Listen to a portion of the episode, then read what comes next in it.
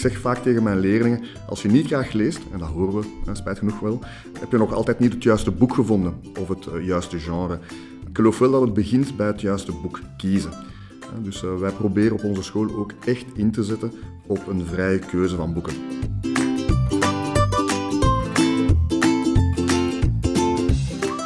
Welkom bij Urban Education, de podcast van het Onderwijscentrum Brussel. Ik ben Sarah Geets en vandaag hebben we hier twee leesbeesten op bezoek: Stefan en onze collega Elin.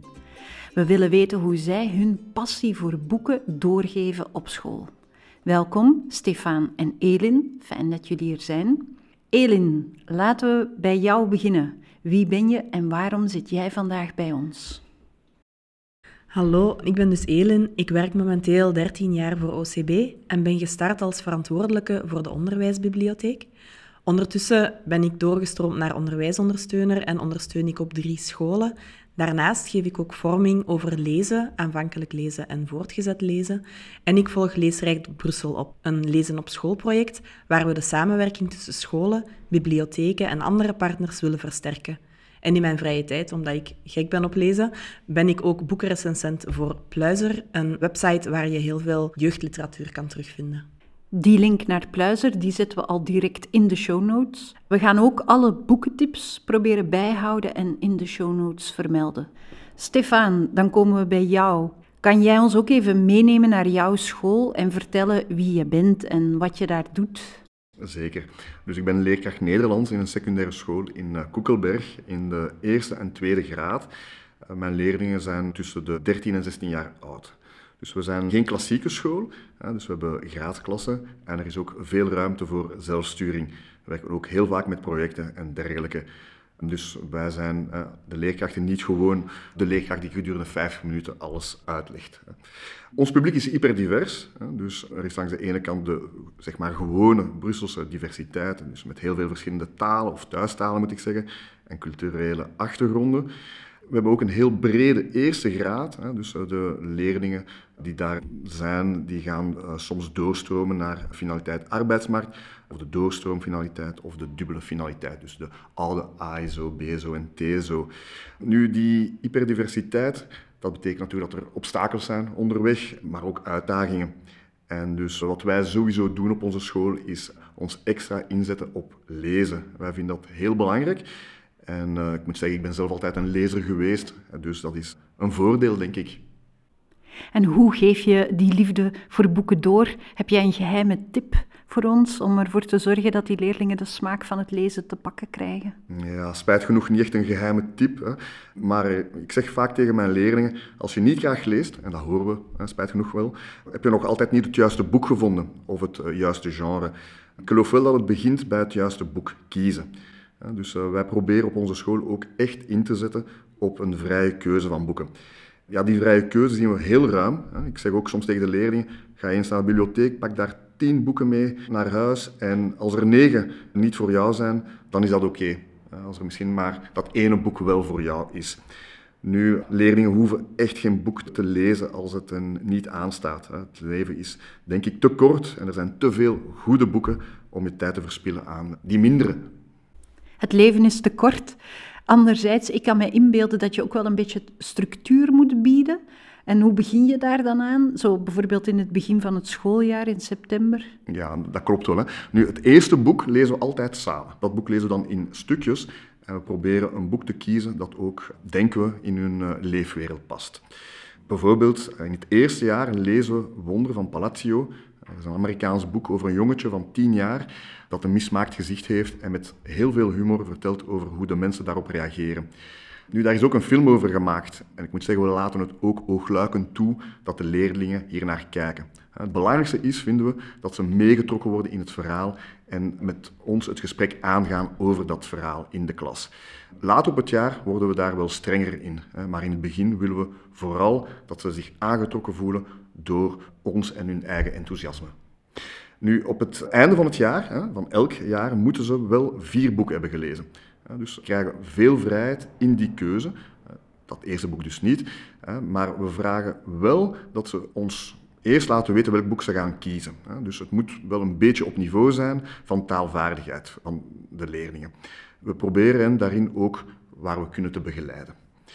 Nu, wat we bijvoorbeeld opmerken is dat leerlingen heel vaak, zeker de jongeren, heel vaak manga's wensen te lezen. En uh, ik moet zeggen, dat is oké voor ons. Hè. We zullen dan misschien wel zeggen, je moet minstens drie manga's lezen van die ene serie. En daarna moet je iets anders willen kiezen, hè, als derde boek bijvoorbeeld. En zo proberen we de opdrachten toch ongeveer gelijkwaardig te maken voor alle leerlingen. Maar dus zoals ik zei, we merken wel dat die manga's voor veel leerlingen de eerste boeken zijn die ze echt graag lezen. Heb je dan een naam van een goede manga-serie die je kan aanraden voor in onze show notes? Nu, ik moet zeggen, ik wist tot nu toe niet veel van mangas af. Nog altijd niet, eigenlijk, om eerlijk te zijn. Ik heb dan maar een paar jaar terug aan mijn leerlingen zelf gevraagd met welke manga ik zou moeten starten. En dat is blijkbaar My Hero Academia, heet het. En ik heb het gelezen. Eerlijk, ik ben geen fan. Uh, maar ik ben gewoon al blij dat leerlingen iets graag lezen. Wat ik wil vermijden, of zou willen vermijden, is dat ze jongvolwassenen of volwassenen zouden worden die niet graag lezen. Ik zie, het, eh, ik een beetje als muzieksmaak. Hè. Dus de eerste cd's die we kopen zijn zelden blijvers. Hè. Bijvoorbeeld mijn eerste 45 toeren was de Final Countdown van Europe. Dat is muziek dat ik nu niet meer beluister. Dus smaken evolueren. Belangrijk is dat je als leerkracht misschien een zaadje kan planten. Dat is herkenbaar en eigenlijk ook heel chic dat jullie zo breed durven gaan. Vaak is dat toch wel een uitdaging om verder te kijken dan de klassieke literatuur. Ik ging eigenlijk zelf ook eens luisteren bij een stripwinkel waar dat ik vaker binnen ga. En dat is een, een profiel van een, een Brusselse die, die eigenlijk heel goed de gasten hier kent en die echt ervaring heeft met die doelgroep. En ik, ik vraag ze aan haar van welke strips heb, heb jij als tip om met die jongeren te gaan lezen. Uh, we zullen die ook in de show notes dan doorgeven.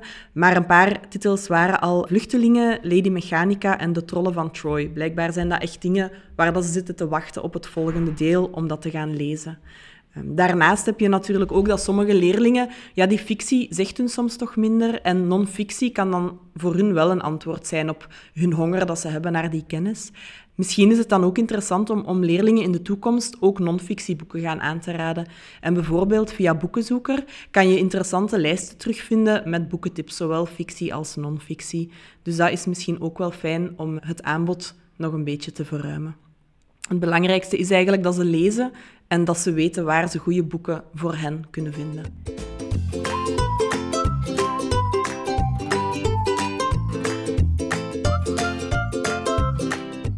Soms is het ook moeilijk, allicht, om het juiste boek te vinden. En hoe kan je de leerlingen daar dan bij helpen? Ja, klopt. Hè. Dus het is voor sommige leerlingen inderdaad niet gemakkelijk om een uh, goed boek te vinden. Dus uh, zoals ik al zei, we zeggen dikwijls tegen hen, ga naar de bibliotheek, loop daar wat rond, neem een boek in je hand. Maar we merken wel dat dat voor sommige leerlingen te veel vrijheid tekent. Dus voor taalzwakke leerlingen bijvoorbeeld is het al een, ja, een hele drempel om al die achterflappen te lezen om een boek te kunnen kiezen. We willen daar in de toekomst een tussenvorm voor zoeken, waarbij we toch wat meer persoonlijke tips geven en dergelijke. Maar eigenlijk ja, is het nog krachtiger als leerlingen elkaar tips gaan geven. Dus als volwassene heb je vaak de illusie dat je je kan verplaatsen in het brein van jongeren. En dat is natuurlijk niet altijd zo. Kan je daar een voorbeeld van geven? Voor een opdracht, een paar jaar terug, had ik de leerlingen uit het eerste jaar gevraagd om hun favoriete boek mee te nemen en er een passage uit voor te lezen. Juist ook om andere leerlingen misschien zin te doen krijgen om dat boek te lezen.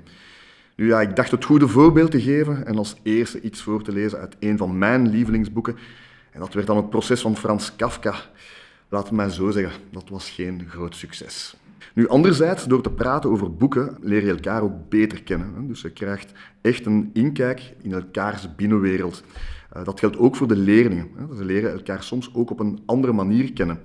Een voorbeeld daar, met Brede School doen we jaarlijks een literaire wandeling door Koekelberg en Molenbeek, waar de leerlingen ook stukken mogen voorlezen uit een boek dat ze hebben meegenomen. Dat ze elkaar hoorden voorlezen is altijd stimulerend. Hè? Dus de associatie daar tussen vriendschap en literatuur is dan natuurlijk goed meegenomen.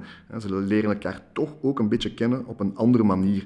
Bijvoorbeeld, er was daar een leerling die een fragment las uit Fantastic Beasts van Rowling. En daar was een vriendin ook bij. En zij was echt verbaasd dat haar vriendin dat zo mooi vond. Omdat zij zelf ook fan is van dat boek. En zo zie je, zo herkennen ze zichzelf in elkaar. Maar ook als leerkracht leerlingen op zo'n momenten beter kennen. En ik vind daar ook, als een leerling de moeite doet om tegen jou te praten, dus tegen de leerkracht, dan vind ik dat je daar echt tijd voor moet vrijmaken. Ik weet dat dat niet altijd gemakkelijk is. Ik herinner me bijvoorbeeld tijdens de lerarenopleiding dat men mij regelmatig vertelt dat het in het begin als startende leerkracht dat je dan heel erg op jezelf gericht bent. Pas na een tijdje, als je wat meer ervaring hebt, krijg je tijd en ruimte in je hoofd om in te gaan op wat leerlingen komen vertellen. En dat klopt wel. Daar misschien ook een voorbeeld dat mij te binnen schiet. Een leerling die altijd naar onze wekelijkse leesclub komt. Een leesclub waar de leerlingen naartoe kunnen komen elke vrijdag namiddag. Nu, een van die uh, leerlingen is een zeer grote Harry Potter fan. Ik denk dat ze elk deel ondertussen al minstens twee, drie keer heeft gelezen. En ik herinner me nog goed de dag dat ik haar zei dat ik nog nooit een Harry Potter had gelezen. Ze bekeek me alsof ik van Mars kwam. En ik moet zeggen, dat heeft mij toen wel getriggerd om het eerste deel te lezen. En ik snap nu ook wel waarom, of waarvan de hype komt. Hè. Het is een gewoon steengoed boek natuurlijk. Hè. Ja, dat kan ik inderdaad alleen maar bevestigen. Ze zijn inderdaad meeslepend. Ik wil graag nog even aansluiten bij je punt van vrije keuze. Ik vind het super om te horen dat jullie de leerlingen laten kiezen, dat ze zoveel vrijheid krijgen. Een bedenking daarbij is voor mij wel dat het aanbod van jeugdboeken niet altijd even divers is. Daarmee wil ik zeggen dat enerzijds de karakters van de boeken weinig divers zijn vaak, en daarnaast ook dat de auteurs niet zo'n diverse achtergrond hebben. Je hebt zo'n bekende quote van Rudin Sims Bishop van de Ohio State University en dat gaat over boeken moeten ramen en spiegels zijn. Hiermee wil ze zeggen dat ramen een beeld kunnen bieden op een andere wereld, een fantasiewereld of een bekende wereld of een vreemde wereld. Literatuur kan ook een spiegel zijn waarin dat je jezelf of je ervaringen kan herkennen. En hierdoor wordt lezen een soort van zelfbevestiging. En lezers zoeken eigenlijk wel vaak spiegels in boeken. Als dat waar is, stel ik me ook in vraag of er voldoende boeken zijn waarin jongeren zichzelf en of hun wereld kunnen herkennen. En het is ook belangrijk daarnaast dat jongeren zich zowel kwantitatief als kwalitatief kunnen herkennen. Er moeten ten eerste al herkenbare personages in voorkomen, maar ten tweede mogen ze niet de stereotype invulling krijgen. Bijvoorbeeld, een Aziatische jongen heeft dan het profiel van een game nerd. Het is eigenlijk de bedoeling dat jongeren gewoon boeiende verhalen lezen waarin ze zichzelf kunnen herkennen. Stefan, is dat iets waar jullie ook tegenaan lopen? En hoe gaan jullie daar dan mee om? Ja, zeker. Hè. Wij proberen dat op te lossen door en, ja, veel keuze te laten. We merken dat leerlingen zich vaak toch wel herkennen in verhalen over personages die anders zijn.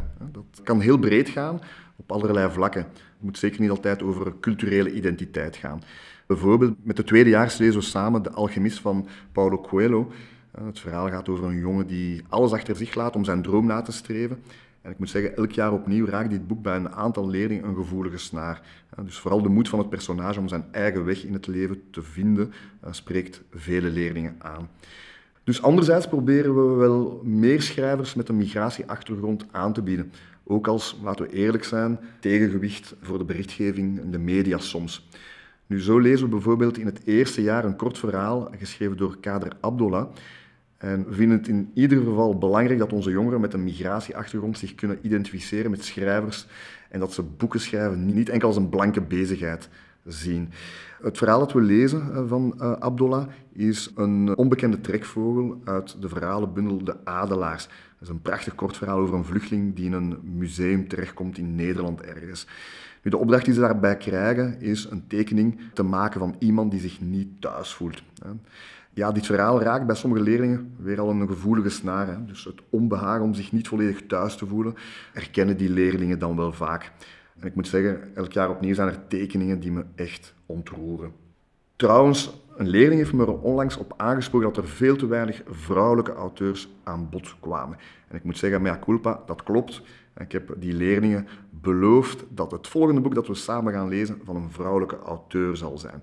Nu, we zijn er nog niet volledig uit wie dat wordt, maar twee kandidaten zijn Lise Spit, de Brusselse auteur, en Marieke Lucas Rijneveld, de Nederlandse auteur, die zich als non-binaire persoon omschrijft.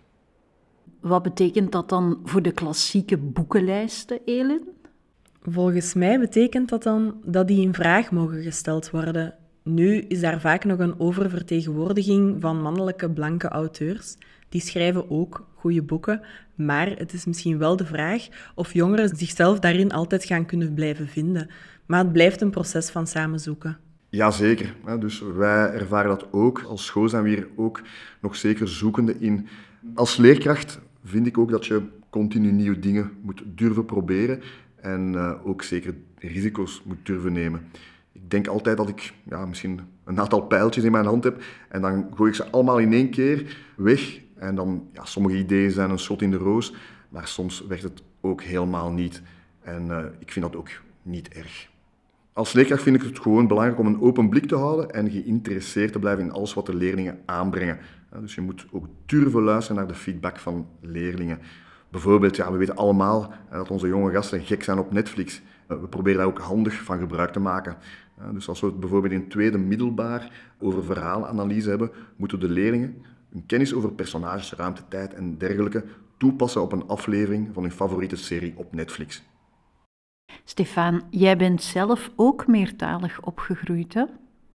Ja, dat klopt. Hè. Dus ik ben in Brussel opgegroeid, in Jette. Mijn moeder is Spaans en mijn vader Vlaming. En thuis spraken we Frans. En ik ben leerkracht Nederlands geworden. Dat is voor mij een sterk argument, hè, dat ik ook soms uh, gebruik in de klas. Maar dat zorgt er ook voor dat ik de leerlingen kan begrijpen als het gaat over meertalig opgroeien. En juist daarom wil ik ook de lat hoog leggen voor hun Nederlands, maar ook ruimte maken voor hun thuistaal. Dus als er bijvoorbeeld een leerling is die naar de leesclub komt, dan mag die van mij ook in een andere taal dan het Nederlands lezen. Ik ben ervan overtuigd dat dit bijdraagt tot hun taalvaardigheid, ook in het Nederlands. En tegelijkertijd verlaagt het de drempel, want die drempel is er wel degelijk. Ik kan je het voorbeeld geven van leerlingen die ik sterk had aangeraden om naar de wekelijkse boekenclub te komen om haar leesvaardigheid op te krikken. En in eerste instantie had ze een beetje moeite met het idee. Hè, en ze heeft dan maar een vriendin overtuigd om mee te komen. En nu lezen ze elke week 50 minuten, zij aan zij.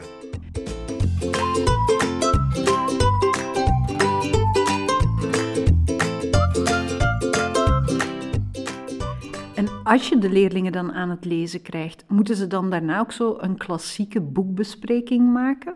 Ja, zeker. Het is belangrijk om met de boeken die ze lezen aan de slag te kunnen gaan. Hè. Maar dat hoeft zeker en vast niet in een klassieke boekbespreking te zijn. We vinden het vooral belangrijk dat leerlingen met elkaar en met ons in gesprek gaan over hetgeen ze gelezen hebben. Dit gezegd zijnde, wij geven ook wel een aantal opdrachten die ze moeten afwerken. Opdrachten die ervoor kunnen zorgen dat wij toch wel de talenten kunnen aanboren die de leerlingen allemaal wel hebben.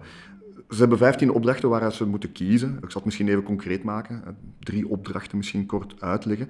Dus een van de mogelijke opdrachten waaruit ze kunnen kiezen is een filmscript maken over een bepaalde passage uit het boek. Een andere opdracht is een strip te maken van minimaal acht plaatjes plus uitleg en waarom ze precies dat stuk hebben gekozen. Ten slotte kunnen ze ook nog een reclamefolder maken over het boek of voor het boek. Dus dan moeten ze ook een stukje schrijven over het boek en een stukje over de auteur. En uiteraard hopen altijd dat ze dat allemaal zelf hebben bedacht. Nu, van die 15 opdrachten, ja, sommige van die opdrachten doen ze graag, andere helemaal niet. Hoe dan ook, ja, die vrije keuze zorgt er in ieder geval voor dat er soms heel mooie resultaten tussen zitten. En op het einde van het jaar moeten ze er dus 9 van de 15 hebben afgewerkt. Dus ze hebben een aantal jokers eigenlijk die ze sowieso kunnen inzetten als er daartussen een opdracht zit die hen totaal niet aanspreekt. Werken jullie ook met poëzie? Ja, in het eerste jaar bijvoorbeeld doen we een opdracht rond poëzie. We hopen in ieder geval altijd dat ze heel veel gedichten lezen. Hoe kunnen we daarvoor zorgen? Bijvoorbeeld met de volgende opdracht. Ze moeten een gedicht kiezen. We zeggen altijd, kies niet het eerste beste gedicht, maar zorg ervoor dat je veel leest en dat je pas het gedicht neemt dat je echt aanspreekt. En uh, wat moeten ze dan doen? Ja, ze moeten zichzelf filmen eh, terwijl ze het gedicht twee keer voordragen. En dan moeten ze ook uitleggen waarom ze het gekozen hebben en ook een korte interpretatie geven van het gedicht. Dan kiezen wij de leerkrachten de tien beste filmpjes, zeg maar. En dan vragen we ook aan die leerlingen, is het oké als we het aan de andere leerlingen tonen? Meestal is dat geen probleem, maar we vragen dat toch wat logisch is. En dan mogen die anderen eigenlijk kiezen wat zij het mooiste vonden. Nu, daar komen heel vaak ja, echt wel heftige dingen naar boven. Ik kan misschien twee voorbeelden geven die mij zijn bijgebleven. Een tweetal jaar geleden was er een meisje die een eh, gedicht had gekozen over een jongen die autisme heeft. En uh, ze legde dan ook in haar filmpje uit dat haar broertje dat ook heeft. Toen werd het wel stil in de klas op dat moment. Datzelfde jaar was er trouwens ook een meisje dat een gedicht had gekozen over een huisdier, eh, over een hond. En ze gaf dan aan dat haar hond recent was overleden dat maakt natuurlijk op dat moment veel emoties los bij, bij de andere leerlingen.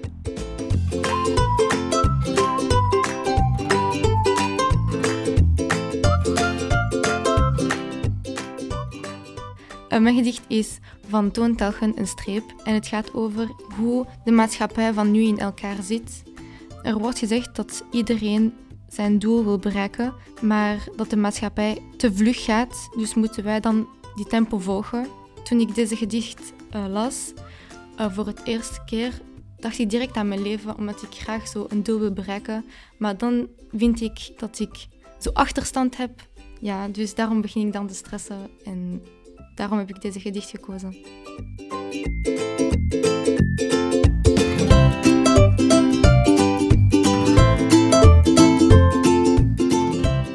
Poëzie werken we ook rond theaterstukken. Bijvoorbeeld vorig jaar hebben wij met de derdes een aantal weken een project gedaan rond de tekst van de Vos Reinaard. Daar zijn ongelooflijk talenten naar boven gekomen. Echt niet normaal. Dus zo was er bijvoorbeeld een leerling die gewoon een regisseur bleek te zijn en eigenlijk vrij snel de heft in handen heeft genomen. Nu, achteraf bleek dat ze drama doet buiten school. Zo zie je maar door zaken te proberen, als ze maar met taal te maken hebben, met literatuur, het kan toneel zijn of iets anders, kan je veel ontdekken. Het was trouwens ook heel goed voor in Nederlands. Laten we niet vergeten, Frans is vaak de meest gebruikte taal voor onze leerlingen. Dus ze zijn het gewoon buitenschool eigenlijk met elkaar Frans te spreken. En het is soms ja, heel gemakkelijk voor hen, of altijd moet ik zeggen, om snel over te schakelen naar die taal. Maar in die weken, toen we rond de Vos Reinaard werkten, hebben ze heel veel Nederlands gesproken, omdat ze zo intensief bezig moesten zijn met die teksten. In het algemeen, ja, als je niet gewoon bent om bepaalde talen met personen te spreken, zoals bijvoorbeeld het Nederlands, onder vrienden, is het zo moeilijk om te switchen. En ik vind dat we daar echt meer begrip voor moeten hebben. Mooi hoe dat jullie gebruik maken van de verschillende talenten van leerlingen, want zo kunnen ze succeservaringen opdoen of hebben met lezen, ook als lezen eigenlijk niet hun talent is. Dat geeft hen toch ook een positieve link met boeken en met literatuur. Ja, ik geloof inderdaad echt dat je talenten kan triggeren. We zijn daar zelf ook wel fier op als dat dan lukt bij ons. Ja, bijvoorbeeld een aantal jaren terug was er een leerling die helemaal niet goed presteerde. Ze, ze leek ongeïnteresseerd, haalde slechte punten, ook voor Nederlands. En ja, op een moment moesten ze een gedicht schrijven, dat was een van de opdrachten. Ik was echt zo onder de indruk van hetgeen ze had geschreven. En nogthans, zoals ik zei, ja, het was iemand die anders heel stil was en op de achtergrond bleef. Ja, nu op het einde van het jaar bleek haar rapport ja, niet goed. Maar op de klassenraad uh, herinner ik me dat ene gedicht. En ik heb dat toen ook even in de groep gegooid, zeg maar. En eh, gelukkig is de klastitularis van dat meisje eh, daarmee aan de slag gegaan. Ze heeft toen gesproken met ouders en eh, met de leerling. En ze is nu drama en woord aan het doen. En ik heb ook gehoord van een vriendin van haar die nog bij ons is, dat ze daar heel gelukkig is. Soms vallen die stukjes van de puzzel gewoon in elkaar. En als leerkracht ben je natuurlijk heel blij dat je daar je bijdrage hebt kunnen geven aan dat gegevene. Dat is een heel mooi voorbeeld hè, om aan te tonen dat we misschien ook niet van alle jongeren of van alle leerlingen romantische lezers moeten proberen maken. Het eh, toont wel aan hoe dat literatuur en teksten je kunnen boeien en je nieuwe inzichten kunnen geven. En dat jongeren dan die kennis kunnen inzetten in hun eigen interesses en talenten. Waarom ben jij eigenlijk leraar geworden, Stefan? Goeie vraag. Ik weet uit ervaring dat een leerkracht veel impact kan hebben. Toen ik zelf jong was, was ik heel sterk geïnteresseerd in, in wiskunde en, en wetenschappen.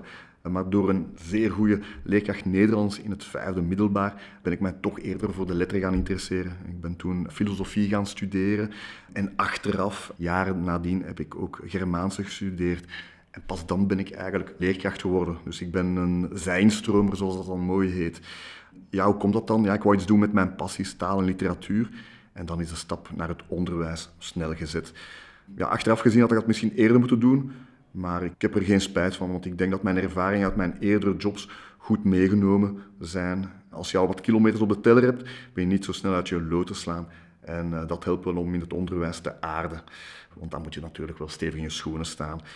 Nu, in het algemeen, ik ben heel blij met onze school. We zijn een nieuwe school. Er zijn veel zijinstromen, er zijn heel veel gemotiveerde leerkrachten. En het is uh, fijn om samen te zoeken en te proberen.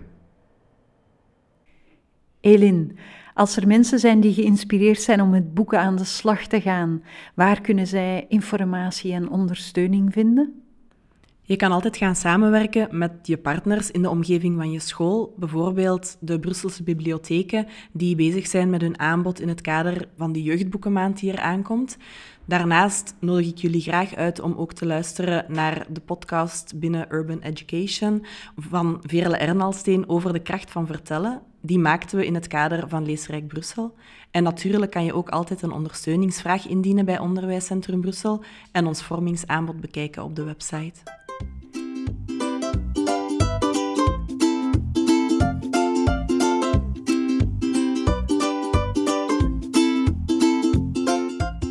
En hier gaan we mee afsluiten. Bedankt Stefan en Elin voor al jullie tips en verhalen over jullie ervaringen. Luisteraars die de boekentips nog eens willen nakijken, die kunnen de titels terugvinden in de show notes. Heb jij feedback, vragen of suggesties? Die mag je zeker opsturen naar onderwijscentrumbrussel.vgc.be. Bedankt voor het luisteren en graag tot een volgende keer.